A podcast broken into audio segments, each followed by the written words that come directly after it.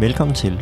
Mit navn er Martin, og du lytter lige nu til podcasten Tæt på, hvor jeg snakker med patienter, pårørende eller personer, som har sygdom eller en tilstand. Podcasten handler om, hvordan det er at leve med eller sammen med en, som har en sygdom eller en tilstand. Det handler om de følelser, tanker, oplevelser og de lavpraktiske ting, som følger med, hvis man er blevet ramt af en sygdom eller er pårørende. Så jeg håber, du har lyst til at lytte med. Hvis du lige har fået en sygdom eller lige er blevet pårørende, så håber jeg, når du har lyttet til min podcast, at du sidder med en fornemmelse af at være blevet lidt klogere og måske i bedste fald føler, at det er blevet lidt lettere at leve med din sygdom. Husk, du også skal følge podcasten på Instagram. Der skal du bare søge på podcasten tæt på, og så kommer den frem. Inde på Instagram ligger jeg små fortællinger op omkring de patienter, pårørende eller familier, som jeg snakker med i det kommende afsnit. Velkommen til. Du lytter lige nu til podcasten Tæt på, og jeg er din vært, Martin Sund. I dag har jeg fornøjelsen af at kunne dele mit afsnit med Heidi, som er et varmt og dejligt menneske, som jeg havde fornøjelsen af at snakke med i et par timer omkring det at have et synshandicap, og også omkring det at være amputeret. Heidi har været blind siden hun var lille, og hvordan hun klarer sig i sin hverdag, er blandt andet noget af det, vi skal snakke om. Så vi skal også snakke om hendes oplevelse af at være blind, hvordan hun husker at være blevet blind, og det at have en førerhund og meget andet. Det er svært at finde ud af, hvor mange blinde der er i Danmark. Øjenforeningen kommer med et skøn omkring 42.000 svagsynede og blinde. Hvis vi går ind på Dansk Blindesamfundsforeningens hjemmeside, så skønner de, at højst 20-25.000 opfylder deres medlemskrav på maks 10% af et normalt syn, når synsresten er korrigeret ved hjælp af optik. Det var sådan lidt kringlet definition. Der findes mange årsager til, at man er svagtseende eller blind. Men grunden til, at Heidi fik et synshandicap, var, at hun som barn havde et retinoblastom. Og hvad er det så? Jamen et retinoblastom er en sjælden type kræft, der opstår i nethinden i øjet. Nethinden er den lysfølsomme del af øjet. Nethinden består af såkaldte stave og tappe. Stavene de registrerer lysforskellen og hjælper os med at kunne se i dårlig belysning eller i mørke. I tappene sidder vores farve- og detaljesyn.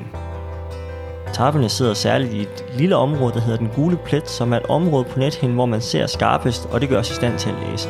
Det er oftest kun børn under 5 år, der får et retinoblastom. Man mener, at sygdommen skyldes en genfejl. Og behandlingen af et retinoblastom kan være kemobehandling, laserbehandling, kryoterapi og strålebehandling. Udover at have haft et retinoblastom, så har Heidi også haft et bløddelsarkom. Ikke fordi jeg vil fortælle jer så meget om det, men det er en form for kræftsygdom, der opstår i bløddele, f.eks. i muskler, bindevæv, fedtvæv og kar, og det er årsagen til, at hun er blevet amputeret på det ene ben. Det var lidt om, øh, hvordan Heidi hun er blevet blind, og hvordan hun er, øh, hvorfor hun er blevet amputeret. Og jeg tror egentlig, jeg vil sige god fornøjelse med at lytte til Heidis og mit afsnit. Nu går vi tæt på Heidi, og det er at have et synshandicap. Og lige en sidste ting, der er sådan en lille summe, øh, som I måske vil registrere i afsnittet, og det er simpelthen Heidis køleskab, som vi ikke lige havde sørget for, at det ikke rummede så meget, øh, da vi begyndte at optage. Så jeg håber, I kan abstrahere fra det. Jeg håber, at indholdet fanger så meget, at det er simpelthen bare lige meget. God fornøjelse. Er du ikke sidder og fortælle, hvem du er? Jo. Øhm, jeg hedder Heidi, og jeg er 50 år gammel. Øhm, og hvem er jeg så? Jamen, jeg er jo et, øhm, et menneske, som har øh, levet stort set hele mit liv som, øh, med, øh, med et synshandicap. Nu er jeg alligevel ved at snakke mig udenom det der med, hvordan man skal sige, man er Ja. blind. Øhm, jeg kan også præsentere mig på en anden måde at sige, jeg øh, hedder Heidi, jeg er 50 år gammel, og jeg er blind. Øhm, jeg har øh, en mor og en far, som lever stadigvæk. Jeg har en far, som er dement, bor på plejehjem. Mm. Jeg har en lillebror, som øh, er gift og har to børn. Øh, jeg er ikke selv gift. Jeg har en øh, kæreste, Mm. som bor i den anden ende af landet. Sådan, som jeg har været øh, kærester med i fem år nu, og øh, vi har det godt med at bo øh, hver for sig. Mm. Øh, til at begynde med, der var det meget mig, der rejste til København øh, for at besøge ham. Mm. Det er så blevet sådan, at øh, det faktisk kun er ham, der rejser til Aarhus for at besøge mig, okay. fordi jeg blev amputeret øh, over knæet for, øh, for to og et halvt år siden på grund af cancer. en øh, cancer, som er en... Øh, som jeg har, fordi jeg har øh, også... Min, min øjensygdom er også en cancer. Øh, og sådan noget cancer, det kan øge ens disponering for andre cancertyper. Og det er... Øh, jeg forstår ikke rigtigt, hvad det handler om, men altså den øh, cancer, som jeg så havde i mit ben, er på en eller anden led i familie med den, jeg havde i øjnene. Okay, så det er derfor, du blev blind, så... og er derfor, du øh, blev amputeret? Ja. Okay. Jeg har gået i folkeskole, almindelig folkeskole. Jeg har gået i gymnasiet. Øhm, jeg blev student i 89. Samfundssproglig student hed det dengang. Ja. Og så har jeg forsøgt mig med et par universitetsuddannelser. Jeg har læst nordisk, Mm. og jeg har læst psykologi, halvanden semester øh, på styk, og jeg har bestået norsk og øh, statistik og humanbiologi. Og det kan jeg ikke bruge til noget som helst, men øh, det lyder da meget fint. Ja. uanset. Okay, der, altså, der er tusind spørgsmål i mit hoved lige nu, og det er jo, hvor- hvor- hvordan, øhm, hvordan kommer man så langt uddannelsesmæssigt med et synshandicap? Øhm, jeg, jeg, jeg, uden at forklare din alder, men så tænker jeg, at det var en anden tid dengang, øhm, på en anden måde, Altså, end, end de det der- muligheder, der er i dag. Ja, det er det også. Altså, det, det er jo blandt andet de der mennesker fra 1911, Mm. øh, som startede Dansk Blindesamfund, som, øh, som har kæmpet en kamp øh, gennem årene for, at blinde og svagsynede ikke bare skulle lukkes inde på institutioner og fattigårde, øh, men både have øh, uddannelse og mulighed for erhverv og mulighed for at bo selv og stemmeret og øh, alt muligt. Mm. Øhm, hvis man øhm, skulle have interesse i det, så kan man give sig til at prøve at læse på øh, blindeloven, som øh, faktisk først blev ophævet i, i midten af, af forrige århundrede. Mm. Øhm, og øh, det medførte jo alt muligt til at begynde med. Så var det øh, ret begrænset, hvad for nogle erhverv man så øh, sat, sat blinde i gang med at lære og, og udføre. Der var øh, øh, børstenbinderi og kurvefletteri. Øh, var, var kendt som, som blinde erhverv. Øh, man kunne blive øh, pianostemmer. Øh, blinde var også kendt jo for at, at være gode musikere. Og det kan jeg så sige, det er der også blinde, der er. Ja. Rigtig gode øh, blinde musikere, det må man sige. Men det er ikke os alle sammen. Var Beethoven ikke blind til sidst? Han var død. Han var død, okay. Ja, det er ikke helt det samme. Men, Nej. ja, de gode musikere kan de også være. Ja. Både de blinde og de døde. Gode kender de døde, ja. Øhm, der er også øh, blinde komponister i øvrigt. Øh, nu, jeg kan så godt nok ikke lige sådan... Jo, Ernst Brun, Ja. så vidt jeg husker, øh, var blind og i hvert fald komponist. Mm. Øh, og så ved jeg ikke, om der er andre end, end, end mig og andre, der har hørt foredrag i Dansk Blindesamfunds regi, som kender noget til Ernst Bruns musik. øhm, men i hvert fald, så, så, var, der, øh, så var der mange, øh, det var meget almindeligt, at blinde blev, øh, blev presset Mm. ind i at lære at spille musik, og som så øh, måske blev organister, eller øh, ja, pianostemmer, som sagt Ja. øh, fordi vi, vi går for at, at, at kunne høre meget bedre end alle mulige andre mennesker. Så kan man sige, blinde bliver altså ikke født med bedre hørelse end alle mulige andre mennesker, men vi er jo tvunget til at bruge den ja. til noget.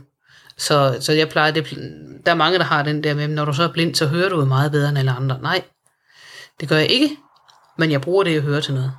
Ah. Ja. Det, øh, Øhm, på et tidspunkt, så, øh, så er der jo så nogle, nogle blinde, der har haft øh, andre ambitioner, som har øh, enten måske ikke har været specielt gode til musik, eller ikke har ønsket sig at, at, at, at blive håndværkere, som så har tænkt, det kan jo ikke passe, det kan jo ikke passe, at jeg ikke kan læse, fordi der findes jo faktisk et skriftsprog, som hedder øh, punktskrift eller breje. Mm. Øhm, så selvfølgelig kan jeg også læse andet end noder og, øh, og små øh, muntre historier. Mm. Øhm, og så begyndte man jo i, i, øh, i midten af, af, af 1900-tallet også at kæmpe for at øh, for retten til at, at studere øh, også andre ting, og også øh, læse på universitetet. øh, og, og hvad der nu ellers var af, af ting, som man, som man kunne have lyst til. Sådan at det fra øh, jamen fra, fra slut 60'erne og, og øh, fremad var der, var der øh, blinde, som uddannede sig som øh, en god del jurister. Øh, og det er faktisk øh, udviklet sig så meget, kan man sige, at nu, øh, nu er det næsten, altså, der er rigtig mange, der starter på, øh, på en akademisk uddannelse. Øh, og hvor de, de manuelle erhverv er, er glædet rigtig meget i baggrunden, og, og faktisk er det lidt et problem for, ja, for blinde, som, øh, som ikke er, hvad skal man sige, er, er, øh, er bogligt orienteret, eller hvad skal man sige, på det lidt akademisk orienteret, mm. øh, og, og finde andre øh, fag at læse. Det, det er simpelthen vendt. Mm. Øh, på et tidspunkt, der er ikke, for eksempel så er der ikke nogen pianostemmerskole på Blindinstituttet mere. Øh, og der er ikke ret mange tilbage, som hverken binder børster eller fletter kurve. Nej. Men hvordan kom du igennem folkeskolen og, og gymnasiet? Jamen det man så øh, gjorde øh, indtil starten af 70'erne, der var det meget almindeligt, at blinde kom på Refneskolen i Kalundborg. Refneskolen, som var en, en skole for blinde børn. Mm. Blinde og svagsynede børn. Og en kostskole, øh, hvor man så var. Og der begyndte man i, i starten, den, den første jeg kender til er fra, fra 50'erne, hvor, hvor øh, hans mor øh, bestemte sig for, at hun havde altså faktisk ikke lyst til at skulle af med sin øh, søn, da han var 5-6 år. Øh, hun ville gerne beholde ham hjemme, og, fandt også en skole, der faktisk gerne ville tage ham. Men, og, og han, han, han var så den første blinde, der, øh, der gik i, i almindelig skole, integreret i almindelig skole. Øhm, og det var der så flere og flere forældre, det var, det var, der var det jo så forældrene, der kæmpede kampen, kan man sige. Fordi der var flere og flere, som faktisk gerne ville øh, beholde deres, altså have retten til deres egne børn.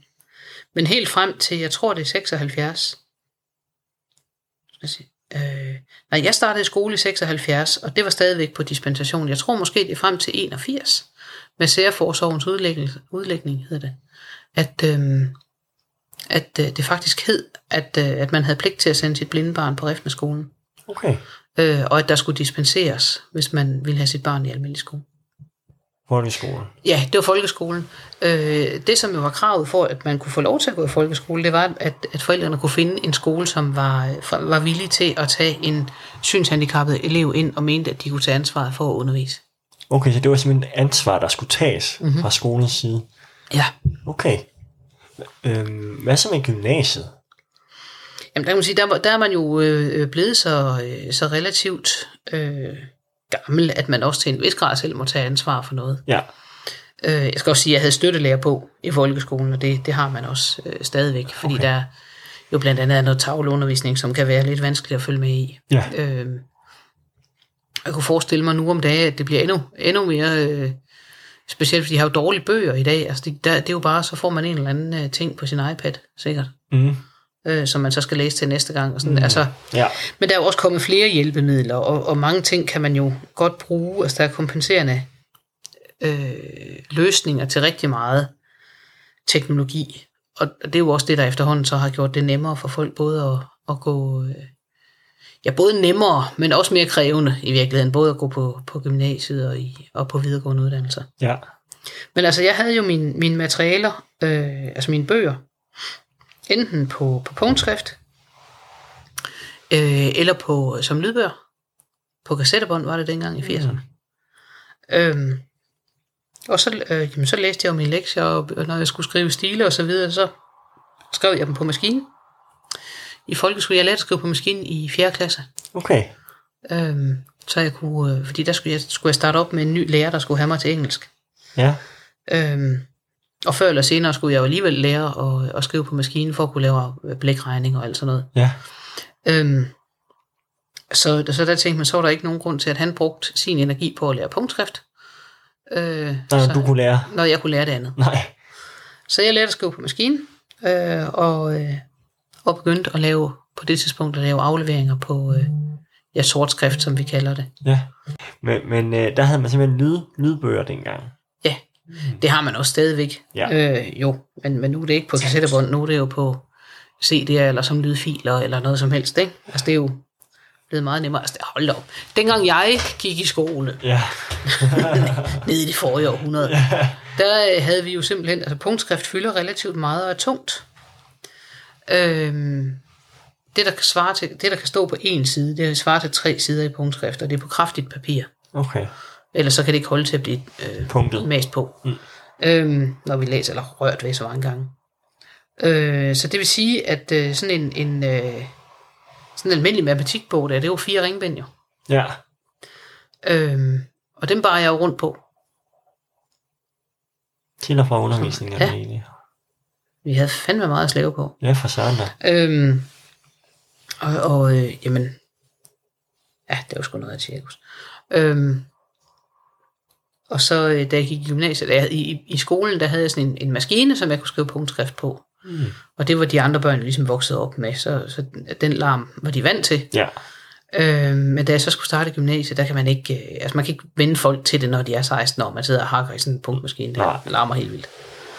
Øhm, så der begyndte jeg at skrive, øh, så at sige, i hånden. Altså det vil sige, med en, på den gammeldags måde med en præn, hvor man sidder og prikker punkterne ned spejlvendt. Mm. Øhm, så tog jeg noter på den måde, i hånden. Okay. Øhm, så det er måske ikke så mærkeligt, at jeg har lidt øh, små slidgigt i håndled og fingerled. De, de, de fingre der, de er blevet brugt Nej, det er de. meget i uh, gymnasiet. Øhm, Øhm, så derfor tør jeg, ikke, øh, tør jeg ikke rigtig gå udenfor. Jeg kan faktisk godt gå med krykker, og det vil sige, altså i, i princippet være ret selvhjulpen, ikke? mm. men jeg tør ikke. Mm. Øhm, og, og der er det så, jeg tænker, hold, da, okay, jamen hold nu kæft, mand, hvis man havde sit syn. Det har jeg aldrig tænkt før i mit liv, faktisk. Altså sådan en ting, bare jeg kunne se. Det, det er faktisk ikke noget, der sådan har, har kørt for mig. Mm. Det ved jeg, der er andre, der gør. Altså især folk, der er blevet blinde som, som voksne, ikke? Eller Ja. bare, bare du kunne få mit syn igen, eller sådan noget. Øhm, men, men det har jeg vidderligt aldrig tænkt, og når jeg sådan tænker tilbage, jeg tænker også, jamen, så bare, hvis man bare er blind, man ja. kan høre, og har sine to ben at gå på, Ja. Så skal man tage den ikke klage. øhm, det, det kan jeg virkelig, altså det, altså det synes jeg jo er mega spændende, det der med, altså både de fravalg, man gør sig, men også de valg, man gør sig Ja. i, i, i hverdagen, og, og, og, og hvad gør man for at lette sin hverdag, og hvad, øh, ja, hvad for nogle valg tager man. Så har jeg skrevet oplevelser, rejser, hvordan du oplever ting. Øh, jeg har en, øh, en øh, patient, som øh, er, er blind, og han fortalte mig om, at han havde været i Australien. Øhm, og så beskrev han for mig, hvordan han oplevede ting, og det synes jeg bare var rigtig interessant, det der med, at altså, for os andre, der er det her med at opleve ting, det er meget visuelt. Ja. Og, og, og der har man ikke på samme måde de samme sanser, man kan, man kan sanse med, øh, når man er blind. Øh, Ja. hvad tænker du om det?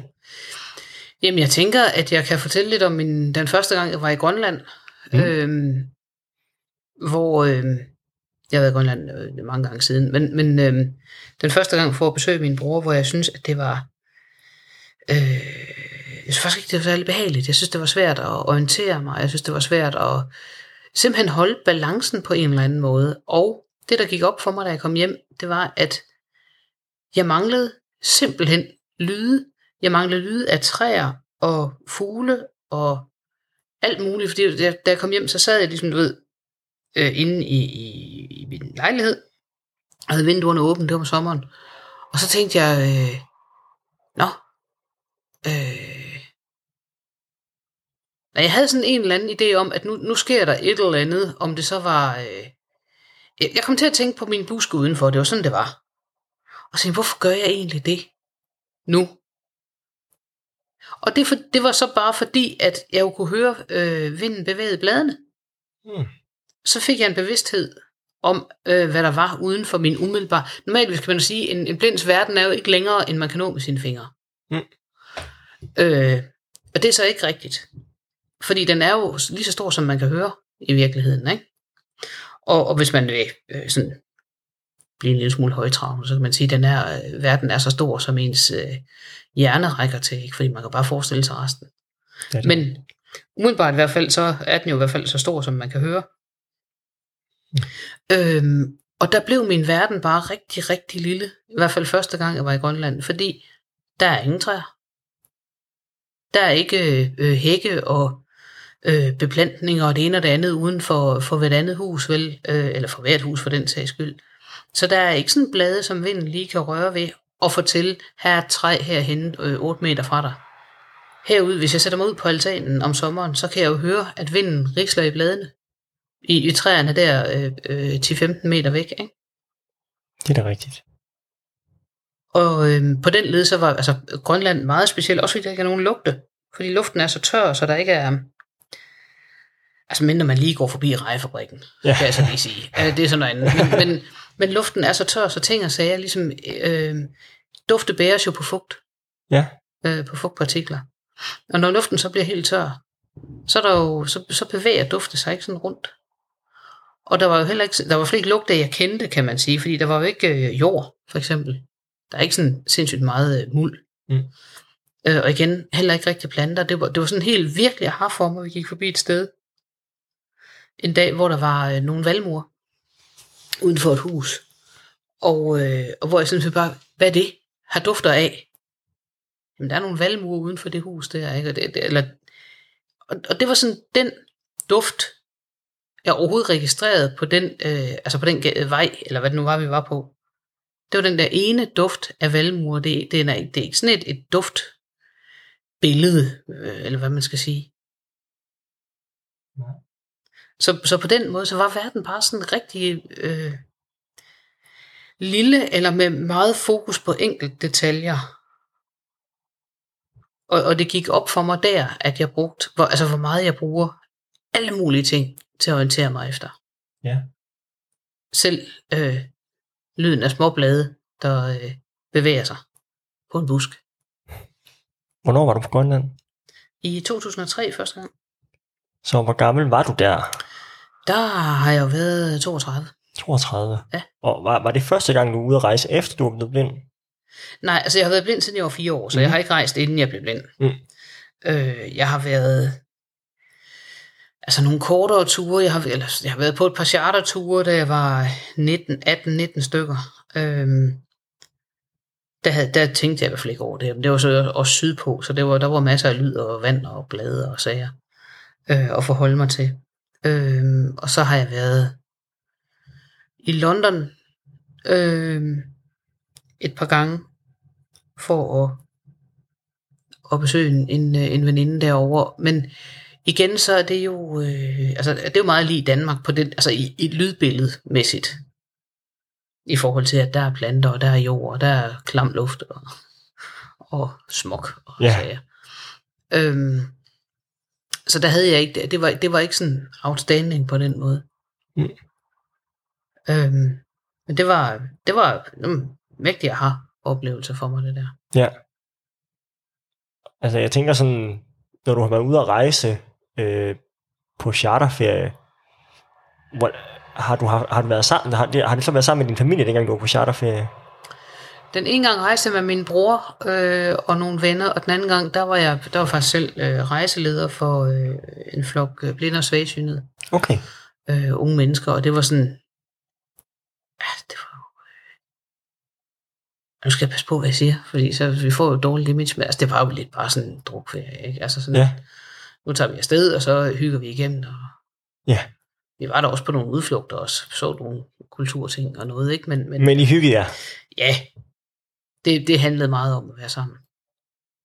Jo, men, men, men, men, Mere end, end det handlede om en rejseoplevelse, hvis man kan sige det på den måde. men siger det egentlig ikke også meget om, hvad skal man sige, Om charterferie? Nej, jo, det kan man også godt sige, men, men, men jeg tænker også, at det, det, det, det lyder jo bare som ferie, jeg kunne tænke mig at på. Ja. Altså på en eller anden måde. At det der med at, at, at tage på druk på charterferie. Ja. Jeg tænker bare, at det kunne også være, altså for mig kunne det måske også være sådan et udtryk for, og der må du hjælpe mig, at, at det der med bare at være, altså bare fordi man er blind, så, har man, så kan, tager man jo også på ferie for at drikke sig i hegnet. Ja, ja. Der, de, de behov er ikke anderledes. Altså, så, altså jeg tænker, at, at, øh, at det, var, det, var da, det var da meget naturligt, at man, man, man fik nogle, nogle, nogle, nogle øl og noget, noget alkohol sydpå Ja, øh, på en eller anden måde. Altså fordi man, man jeg tænker måske også, at det, hvis man som blind, der, der kan man måske også godt, øh, eller når man har et handicap måske, ikke lande i et hul, men, men måske også lade sig begrænse rigtig meget. Altså ikke at have lyst til for eksempel at drikke, altså at være en del af det fællesskab længere, fordi man, man trækker sig. Jamen, altså nu, jeg, jeg har været handicappet altid, kan man sige, så, så på den led, så, så er det ikke, øh, så har jeg ikke oplevet det som en, en ændring. Mm. Øhm, eller, altså som at, at jeg trak mig fra, fra druk. Altså, jeg har haft det sådan, at øh,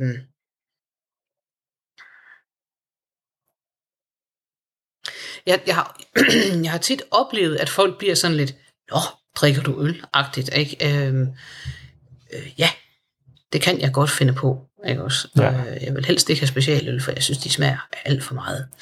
Men øhm, altså, der er jo nogle gange sådan en, en, en underlig... Øhm, holdning til, til handicappede, øh, som, som voldsomt meget mere begrænset på alle planer.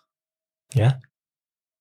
Øh, end vi i realiteten er. Altså, og, og, og, og det er jo det, der ja, på længere, eller på, ja, det, det er jo det, der øh, har ført til øh, kampen om ordene. Altså, er vi handicappede, eller er vi folk med funktionsnedsættelser, undskyld, personer med funktionsnedsættelser, som der nu står i i, øh, i handicapkonventionen og, og sådan nogle ting. Altså, øh, er det på evne eller på, på, øh, på identitetsniveau, vi har øh, øh, vores handicap, vores funktionsnedsættelse. Det er sådan nogle diskussioner, man kan have i, i vildskab, ikke? Også, hvor øh, nogen... Altså, jeg har, jeg har altid sagt om mig selv, jeg er blind. Jeg har aldrig sagt, jeg har et synshandicap, eller jeg har blindhed. Øh, og det, det kan jeg jo se, at det vinder indpas i sproget nu, altså blandt andet fra, fra Instituttet for Blinde og Svagsynede. De, de taler simpelthen om personer med blindhed, hvor sådan, det, det var dog en ser kunstig måde at sige det på, men, men det er det for mig. Mm. Men for, øh, for nyere handicappede, eller folk, der bliver, er blevet handicappet for, øh, i, i nyere tid, øh, der er det, der er det almindeligt at sige, altså at, at øh, jeg har det den, den datten, hvor jeg sådan tænker, jamen, nej, jeg er blind. Og det er en del af min, min identitet, det er en del af mit vilkår. Jeg, jeg er også dansker, for jeg er født i Danmark. Ikke? Jeg er blind, jeg er født øh, med en sygdom, der gjorde mig blind, da jeg var fire år. Øhm, men jeg har det selvfølgelig stadigvæk også sådan, at jeg da gerne vil ses øh, som en person med en identitet og med, med holdninger og så videre. Og, øhm, men, men for mig er det fuldstændig umuligt at, og, og, hvad skal man sige, at differentiere blindheden fra det. Og så sige, om jeg har, øh, du ved, jeg har en Peugeot 208, og så har jeg blindhed, og så har jeg en førerhund, og så har jeg en, en søn, og så har jeg en kæreste. Og sådan. Altså det er, det er ikke noget, jeg har, det er, noget, det er altså noget, jeg er. Sådan er det for mig. Hvornår, hvornår tror du, du nåede frem til den erkendelse? Jeg kan ikke huske, at jeg ikke har tænkt sådan. Altså jeg ved, at, at det første års tid efter, at jeg, jeg har fået fjernet begge mine øjne øh, på grund af cancer, øh, da jeg var henholdsvis et og fire år. Øh, og det første år efter jeg fik fjernet det andet øje, der troede jeg stadigvæk, at jeg kunne se. Der var bare nogle steder, hvor jeg ikke var så kendt, der var der næsten altid mørkt. Mm. Øhm, og så er det jo svært at finde rundt og sådan noget. Ikke? Det, var, det var ligesom min, min tanke om det. Jeg havde fået at vide, at jeg var øh, at jeg var blind, og jeg ville ikke komme til at se igen. Men altså, det, det gik der altså et års tid, før jeg, før jeg faktisk øh, anerkendte øh, og forstod. Og jeg, altså, jeg ved, ikke på dato, men, men jeg kan huske dagen, hvor det gik op for mig, at jeg var, at jeg var blind. Øhm, Hvordan kan du huske den dato? Eller det er en dag? Jamen, det er en dag. Øhm, det var en dag, hvor, hvor min... Øhm, jeg har en lillebror, øh, og han havde fået en øh, cykel med to hjul i stedet for en trehjul, eller sådan en cykel med, med, med støttehjul, ja. hedder det. Øhm, og han måtte gerne cykle ned på vejen. Og det måtte jeg ikke. Og det var jeg rasende over. Fordi øh, jeg var jo halvandet år ældre end ham. Og det er jo simpelthen ikke passende, når han var mindre end mig, at han så måtte noget, jeg ikke måtte. Selvfølgelig. Øhm, det var jeg ham over, og øhm, så, øh, hvad hedder det, så satte min mor sig ned, øh, og jeg, øh, jeg tror, øh, at det har været på, øh, på et tidspunkt, hvor vi skulle til at flytte fra, fra der vi boede, der var helt lille. Fordi jeg husker det som, at, øh, at værelset var relativt tomt. Øh, og det jeg så kan huske, det er, at, jeg, øh, at, at øh, hun var øh, der foran mig. Jeg stod, øh, hun sad ned, og jeg stod foran hende og kiggede på hende, og jeg kunne se, øh, hvad for noget lys øh, der var i rummet. Øh, det var regnvejr, så det var, der var sådan et... Øh, sådan noget lys, som der nu er, når der er regnvejr, som ikke er sådan helt gyldent lys, men sådan lidt mere slags gråt lys, sådan som jeg husker det. Ja. Øhm, det lys kunne jeg se, øh, kom ind fra, fra min højre side, så, så jeg ved, hvordan jeg stod i, i, i det der rum. Og øhm, så fortalte hun mig, at det måtte jeg ikke cykle ned på vejen, fordi at jeg var blind, og det var Henrik ikke. Øhm, og at når man er blind, så kan man øh, for eksempel ikke se, hvis der er en trappe, der går nedad, som der var, nede på den parkeringsplads eller nede på vejen. Øh, og så kunne man falde ned, og det var farligt. Og, øh, og derfor måtte jeg ikke. Mm. Og sådan ville det, altså, at, at sådan ville det fortsætte. Altså, jeg var blind, og det ville jeg være resten af mit liv. Og det jeg så husker, det er, at lyset, jeg kan ikke huske, at vi snakkede mere om det, men jeg husker, at lyset faded og blev væk. Ja. Øh, og det her, det er jo selvfølgelig, det er jo hjernespind, det er jeg godt klar, det ved jeg jo godt i dag, ikke også? Ja. At, øh, at, at de, det jeg har gået og, og set i det år, øh, efter jeg fik fjernet mit andet øje, det har jo været de billeder, min, min hjerne havde i sig. Øh, af de omgivelser, jeg boede i, ikke? Ja. Øhm, og, og, og så giver det selvfølgelig mening, at når man så var steder hen, hvor jeg, hvor jeg ikke var kendt, og ikke havde nogen billeder på det, så er det, som, som ligger mest lige for, det er jo at sige, om her er mørkt. Ja. Så det er jo det, der er den gode grund til ikke at kunne se noget.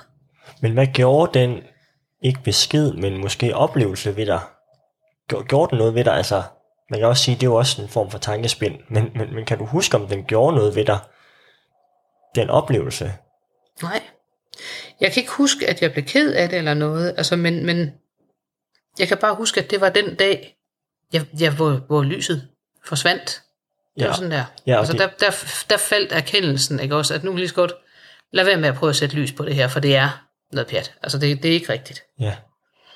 Så, så, så steder, hvor du har været, eller steder, som du kender fra den gang, der, der havde du et helt klart billede i dit hoved af, hvordan tingene så ud. Ja, ja og lysindfald og sådan nogle ting. Altså, jeg, og, øh, jeg kan også huske øh, nogen, altså farveskala og sådan noget. Jeg kan huske, øh, at altså, jeg var svagsynet, meget svagsynet til sidst. Jeg havde grås der også, øh, som, som følgesygdom.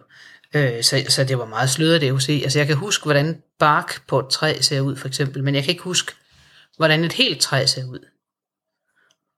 Mm. Og det er jo så min fortolkning senere, han er jo, at jeg har været så svagsynet, eller haft så, øh, hvad skal man sige, ja, jeg har været så svagsynet, at hvis jeg kom på så lang afstand, at jeg ville have kunnet se hele træet, hvis jeg havde haft normal syn, øh, så var jeg for langt væk fra det, for, til at kunne se noget. Så jeg gætter på, at mit, øh, at de ting, jeg kan huske der, der har jeg haft øh, noget, der ligner en, en, en 50 tyvendel eller sådan noget i, i synsbryg. Ja. Efter den dag, hvor- hvor- hvordan oplever du så ting øh, der, altså steder du ikke kender? Er det bare sort for øjnene? Øh, øh, Det har jeg i hvert fald reflekteret over, fordi hvad ser man, når man er blind? Jamen, øh, det gode svar er jo ingenting. Ja. Øhm, og det vil sige, som i helt ingenting. Og det er lige så nemt at forstå, som at universet er uendeligt. Øhm, øh, jeg, på et tidspunkt, så plejer jeg at sige, at, øh, alt, altså, at, at det var, hvis man kunne forestille sig, at alting stadigvæk er der, men alting er gennemsigtigt. Der er bare ikke noget på den anden side. Mm. Okay. Øhm, men, men det er jo så igen, altså får vi fat i uendeligheden igen, ikke også? Fordi, jamen, hvad så på den anden side af det der? Ikke noget. Der er stadigvæk ikke noget. Der er ingenting. Så det er den der sådan uendelighedsting, som, som ikke er til at forstå. Men, men, øh, altså, er der, er der farver derinde, eller, eller hvad skal man sige, øh, er, er, det, er, det, er, det, er det lyst, eller, eller er, er nuancerne sorte, eller hvordan, eller er det bare sådan en, en gennemsigtig farve, Det er bare ingenting. simpelthen? Man, man kan ikke beskrive det. øh, Ikke rigtigt, men nej, fordi der er ikke noget. Altså hvis jeg skal se noget, se noget for mig, så skal jeg ligesom konstruere det, eller hente øh, erindringsbilleder frem og sådan noget, og så er det langt hen ad vejen ikke, ja det kan være, du skal have fat i en hjerneforsker, øhm, for at, at, at finde ud af, hvad det, hvad det må er for nogen. Altså, jeg tror, at mine forestillinger, jeg plejer at kalde forestillinger i stedet for billeder, fordi billeder, det giver en idé om noget visuelt hvor forestillinger det er, at jeg kan godt, altså jeg har en tredimensionel opfattelse af det her rum, øh, og jeg vil kunne fortælle dig, hvor alting er, og, og med hvilke afstande det står, og, og hvor højt det rager op, og sådan noget. Alt det der, det har jeg, det har jeg, det ved jeg. Og det kan jeg godt danne en, et, et, øhm, en forestilling om, som jo består af, hvordan det vil være at røre ved det. Og hvordan det lyder. Alting har jo lyd Ja, ved du nok. ja. Øhm, alting øhm, sender jo lydbølger tilbage. Øhm, og det kan jeg bruge til at, at, at skabe mig en forestilling om, hvad, hvad det er, der er omkring mig, og, øh, og så kan jeg orientere mig efter det. Mm.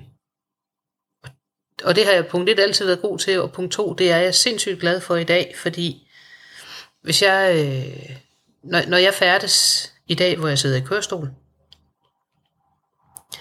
øh, som jeg skal drive fremad med, med, hænderne, øh, så kan jeg jo ikke samtidig bruge en blindestok.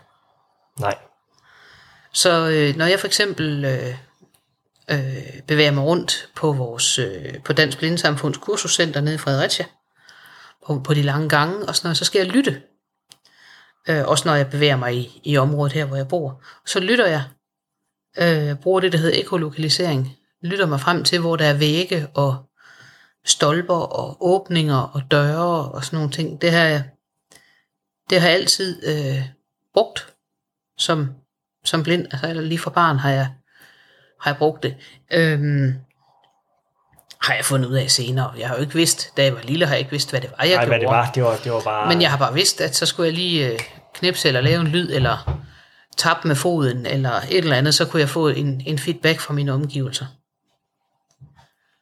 Øhm, og det, det er sådan en, det gør vi alle sammen, og vi, nogen, nu om dagen der er man meget opmærksom på, og så lærer folk det, når de, når de bliver øh, blinde, altså øh, og mere opmærksom på, hvor, hvor detaljeret man faktisk kan bruge det, fordi man har altid vidst, at man kan jo godt høre, når man er inde i en tunnel, for eksempel.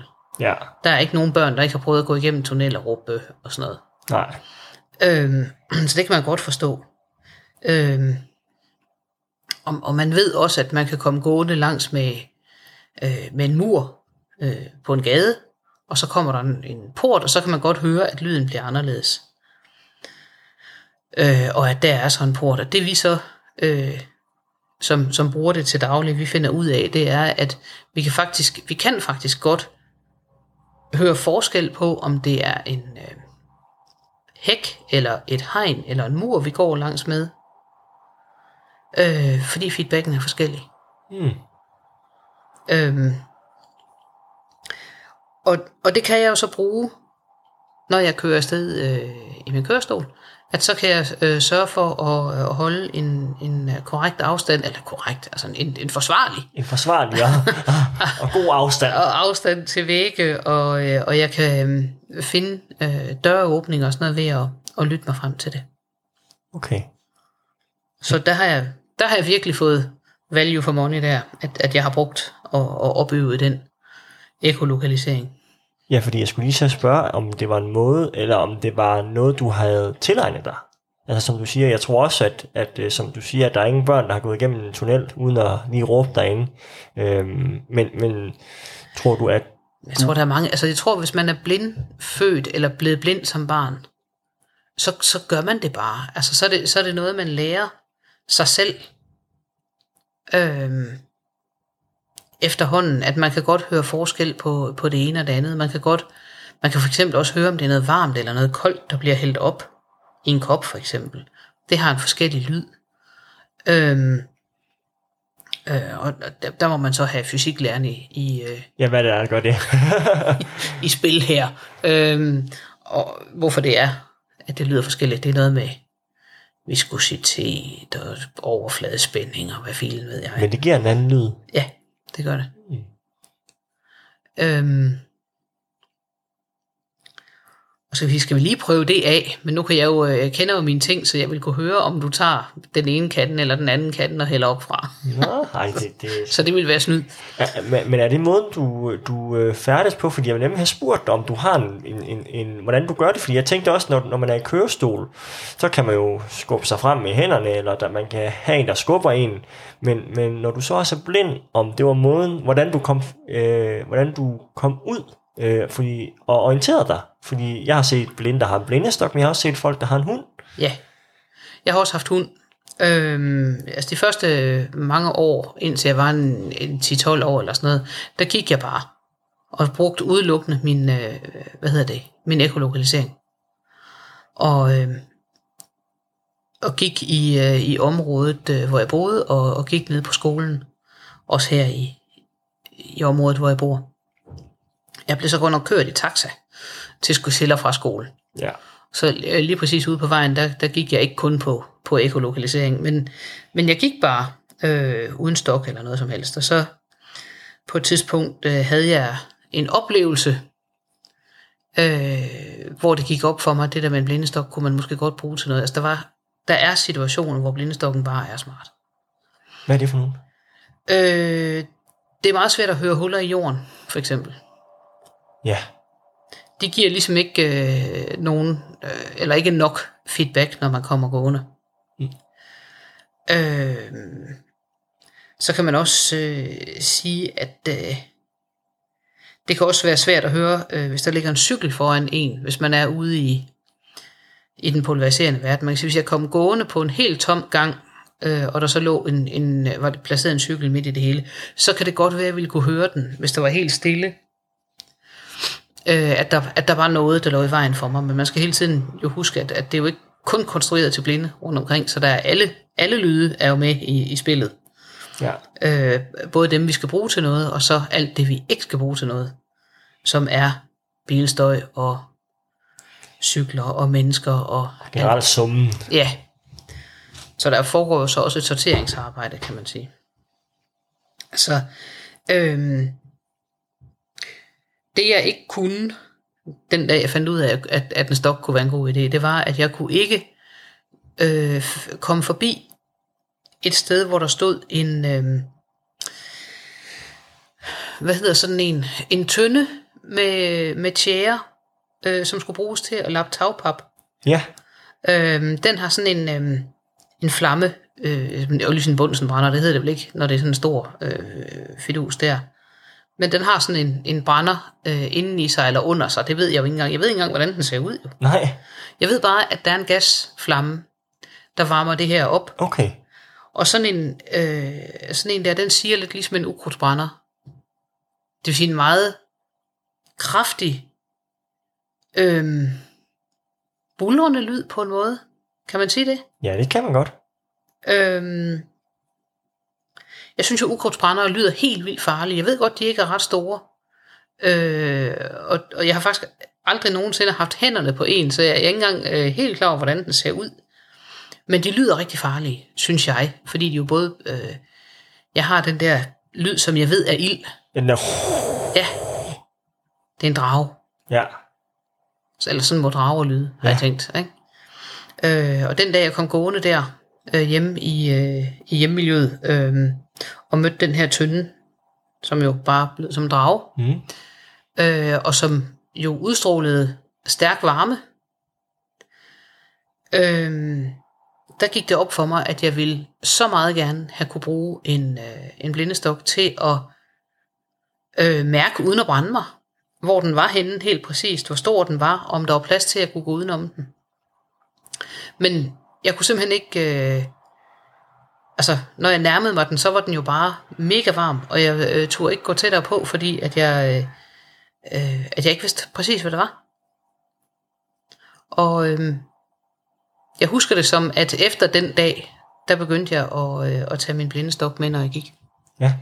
Fordi så kunne man eventuelt øh, jo selv, jeg var jo nødt til at stå og vente. Det var meget irriterende og, øh, og træls. Øh, Fordi jeg var nødt til at stå og vente, indtil der kom en nabo forbi og spurgte, hvorfor jeg stod der og hang. Ja. Og så var det fordi, jeg kunne ikke rigtig finde ud af, hvad det der var for noget, om jeg kunne gå forbi. Mm. Og så tog hun mig med forbi, og så var det, ja, så var det jo sådan set løst. Men det var jo ikke, øh, det var jo ikke særlig værdigt at være nødt til at stå der og Og, vente. og, og stå der og vente, indtil der kom nogen. Mm. Det var simpelthen første del af min snak med Heidi, som har et synshandicap. Lyt med igen på onsdag, hvor I får anden del. Hej hej!